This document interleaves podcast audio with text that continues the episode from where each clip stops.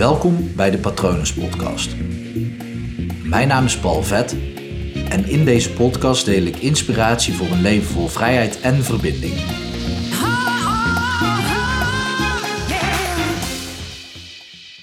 Als jij je wel eens alleen voelt, dan is er altijd wel iemand anders die zich om dezelfde reden ook alleen voelt. En dat is niet om eigenlijk uh, negatief te zijn. dat zou best wel uh, zonde zijn op het moment als ik dat uh, zou doen bij deze post.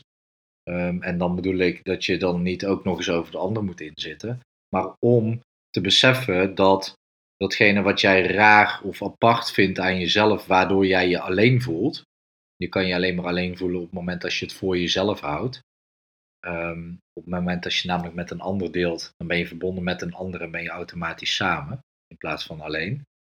Um, maar op het moment dat jij je dus alleen voelt, dan um, is de kans groot dat je dus niet durft te delen met iemand anders. En de kans is eigenlijk 99,9999999 enzovoorts procent dat er minimaal nog één iemand anders is op de wereld die hetzelfde probleem ook ervaart. En de kans is eigenlijk veel groter dat het misschien wel duizenden, zo niet honderdduizenden mensen zijn die tegen hetzelfde ding aanlopen als waar jij tegen aanloopt. En nou wil ik niet dat je het uh, zou gaan delen met iemand om op zoek te gaan naar iemand anders die dat probleem ook heeft. Het gaat erom dat je het dus deelt met iemand, zodat je je verbonden voelt met iemand. En ik kan me goed voorstellen dat je het misschien spannend vindt om zoiets te delen, omdat je dus denkt dat je de enige bent die dit heeft.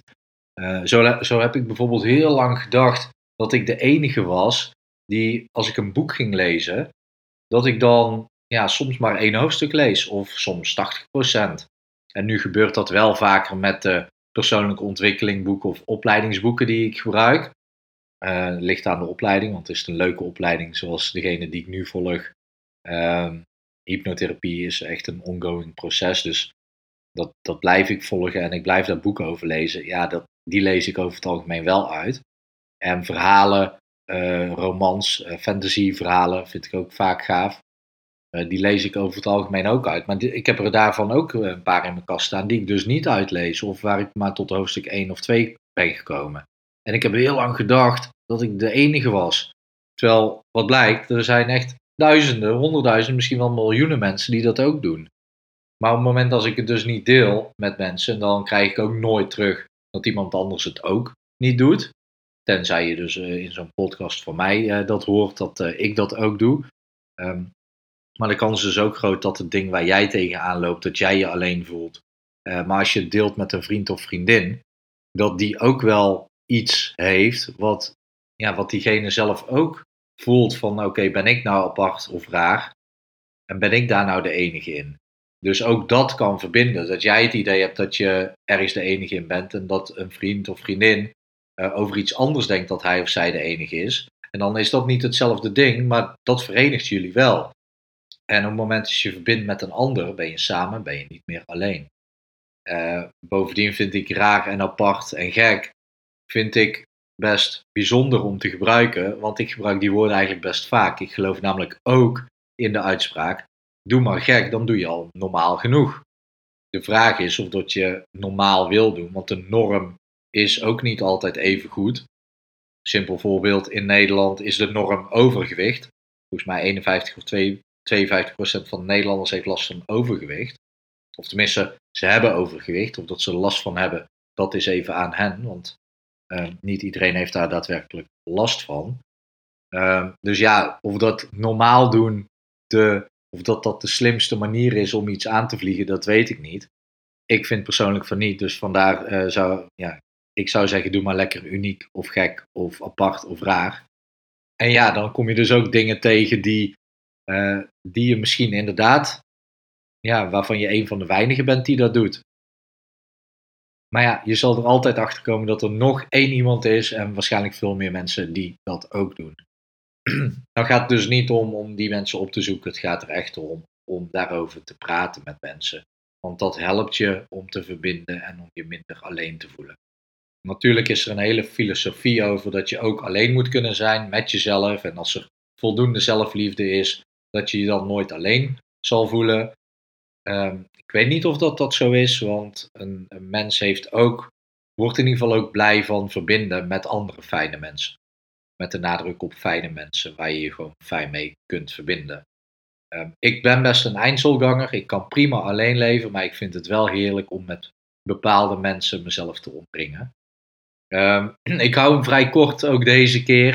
Ik zeg ook, dat doe ik niet heel vaak. Ik wilde eigenlijk een andere podcast opnemen over hypnotherapie. Ik heb namelijk uh, ja, echt een succesverhaal te delen. Uh, niet zozeer dat ik iemand anders heb geholpen, maar iemand anders heeft mij geholpen. Want we zijn in onze opleiding zo ver dat, dat we inmiddels al lang uh, ja, op elkaar aan het ja, oefenen is het niet meer. We zijn elkaar gewoon echt therapie aan het geven om beter en beter te worden. En iemand heeft mij gisteren geholpen met een huidprobleem. Ik deed allergisch op uh, horlogebandjes, metaal met name, ook op riemen en ook uh, andere dingen waar ik uh, veel of lang contact mee had met mijn blote huid. Ehm, tafels, bureaustoelen, dat soort dingen allemaal. Dan begon allemaal te irriteren. Je hoort me ook in verleden tijd praten. Ik heb vandaag 13 uur lang een horloge omgehad. En dat horlogebandje prikte gewoon in mijn huid met metaal. En vroeger kon ik dat maar 30 minuten tot 40 minuten om. En dan begon het echt al flink te irriteren. En nu 13 uur lang en nul irritatie. Een klein rood plekje aan de andere kant, maar dat komt omdat hij gewoon eigenlijk best wel beknellend uh, zit.